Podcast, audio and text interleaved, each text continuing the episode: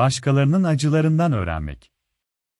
Yazan Aydan Gülerce Geçen haftaki yazımda dünyada hızla yayılmakta ve özellikle 10 yıldır görünürlüğü artmış olan popülist otokratik liderler, yükselen sağ muhafazakarlık ve seçim ittifakları dalgasından söz etmiştim. Zayıflayan demokratik sol muhalefetlerin başka ülkelerin son zamanlardaki seçim deneyimlerinden öğrenebileceklerine dikkat çekmiştim. Siyaset biçim ve biçemlerini yenilemeleri gereğine, çünkü bazı seçmen davranışlarının değişmeyeceğine değinmiştim. Beklendiği gibi bugünlerde de Fransa seçimleri ön plana çıktı. Macron'un takviyelerle tekrar kazanıp kazanamayacağı, ilk turda %22'ye yakın almış sol uçtaki Jean-Luc Mélenchon'un ve %7'nin altında kalan diğerlerinin ne yapacağı merak konusu. Öyle görünüyor ki, aşırı sağın, Le Pen, güçlenişi ve oyların farklı, hatta zıt ideolojilerdeki siyasi partilerin ittifakları ile yine bıçak sırtında bölünmesi söz konusu. Her halükarda sonuç ne olursa olsun Fransızlar da bir yandan aristokrasi ve demokrasi tarihçeleriyle övünürlerken, diğer yandan da dünyanın içine battığı yapışkan hipokrasi sarmalından kolay kolay kurtulamayacaklar. Yine tüm dünya ülkelerindeki muadillerinden beklediğim üzere, yani kendi değerlerinin yönetsel temsiliyetini sağ, muhafazakar veya yetersiz siyasetçilerin söylem ve eylemlerinde göremeyen diğer özgürlükçü, çoğulcu ve katılımcı demokratlar gibi, vasat siyasetten, katılımcılıktan, hatta sandıktan iyice soğuyacaklar. Kısacası, bayrak renklerinde simgelenen özgürlük, eşitlik ve kardeşlik ideallerini kendi bireysel ve öznel imgelemlerine gömerek yaşamayı sürdürecekler.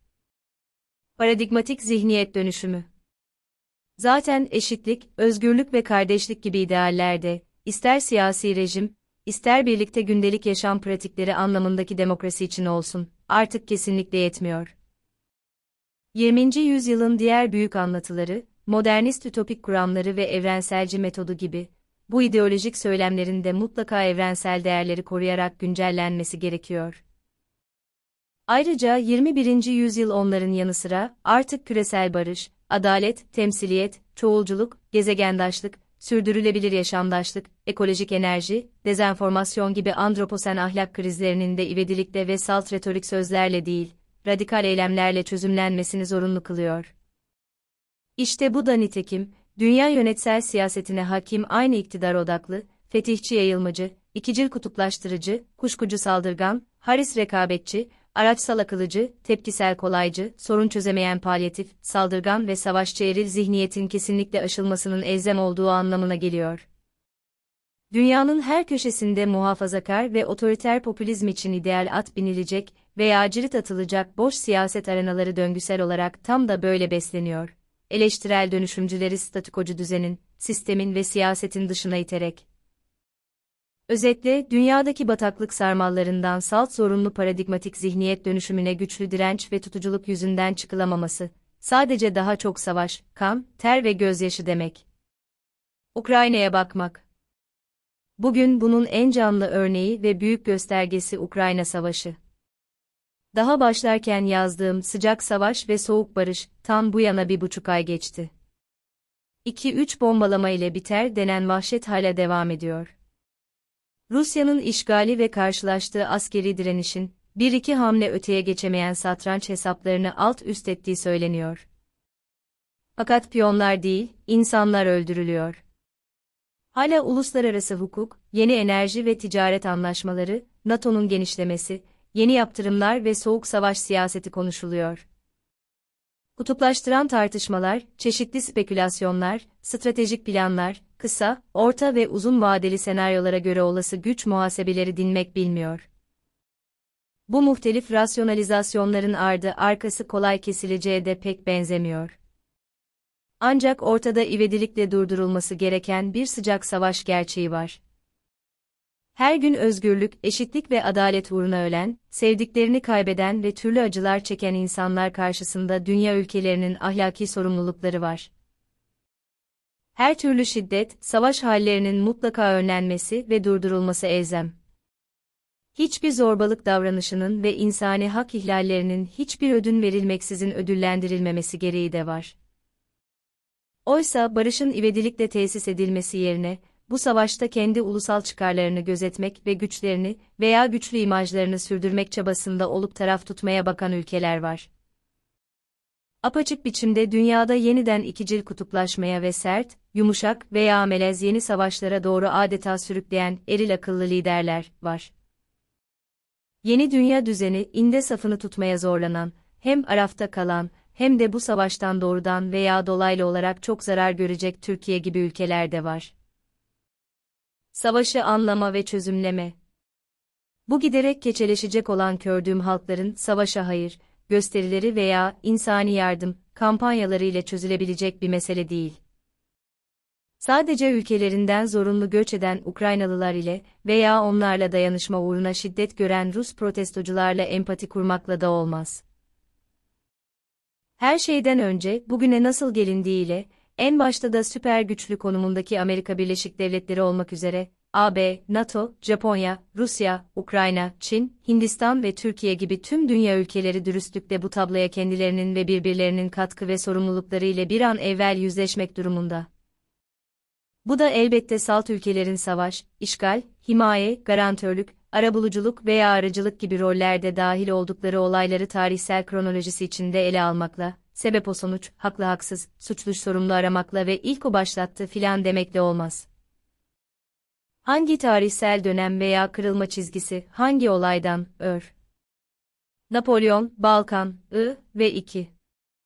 Dünya Savaşları, Vietnam, Sudan, Bosna, 911, Irak, Suriye, Çeçenistan, Kırım, VB çizilirse çizilsin, hiç fark etmez. İktisadi, toplumsal, kültürel, siyasi ve askeri güvenlik olarak iç içe geçmiş tüm insani tarihsel meseleleri kendi ontolojik, epistemolojik, estetik, ahlaki ve tarihi pratiklerinin dikeyden çok diagonal ve yatay, hiyerarşik ilişkiselliği içinde çözümleyebilmek ve ortak geleceğin diyalojik inşası üzerinden olabilir ancak. Yazımın tam da bu noktasında bu karmaşık meselelerin taze göstergelerini Ukrayna örneğinde, ve basite indirgemeden bir iki satırda nasıl özetlemeli diye düşünürken, Ali Yaycıoğlu'nun neden faili değil Batı'yı suçluyorlar, başlıklı yazısı imdadıma yetişti. Lütfen bu çok yönlü, dolu ve değerli toplu düşündürücü değerlendirme yazısını siz de okuyunuz. Ben de böylece yazımı kendi başlığıma ve Türkiye'ye dönerek bitireyim.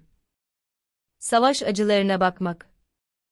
Yazının başlığını koyarken aklımdan geçen Susan Sontag'ı da anmamak olmaz.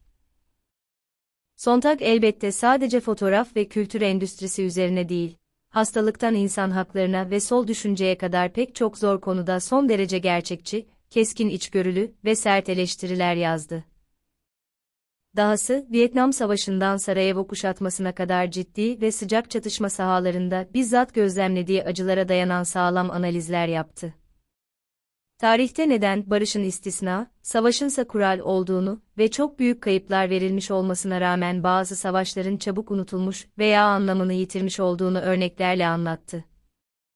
Etkileyici başkalarının acısına bakmak, Regarding the Pain of Others kitabında da mealen şöyle dedi. Bir savaşın onu bilfil yaşayanlar ve yakından izleyenler dışında uluslararası ilgi toplaması için, onun henüz daha savaş sürerken emsallerine hiç benzemeyen bir özelliğinin olması yani savaşan ülkelerin çıkarlarının çok ötesinde, sıra dışı ve önemli başka bir şeyleri simgelemesi gerekir. İşte Ukrayna Savaşı daha başlamadan veya ilk gününden itibaren tam da böyle bir savaştır.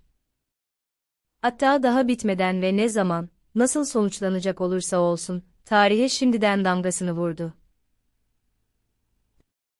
Tüm dünya ülkeleri bu savaşla uzaktan veya yakından ilgililer isteseler de istemeseler de doğrudan veya dolaylı olarak etkilenecekler. İşte o bakımdan da ülkeler ve tüm bileşenleri başkalarının insani acılarına bakarak kendi katkılarıyla yüzleşmek zorunda. Bu süreçte demokratik sol etkin sorumluluk alarak dönüşmek ve çarpık dünya düzenini değiştirmek durumunda. Demokratik sol nerede? Türkiye'nin durumu ise bence her yönden tuzu kuru ülkelerden çok daha berbat hem dışarıdan sıkışmışlığı, hem de iç çeşitliliği ve basıncı aşırı yüksek. Bu tablo Cumhurbaşkanlığı seçimini ve adayların netleşmesini beklemeksizin hızla da kötüye gidecek.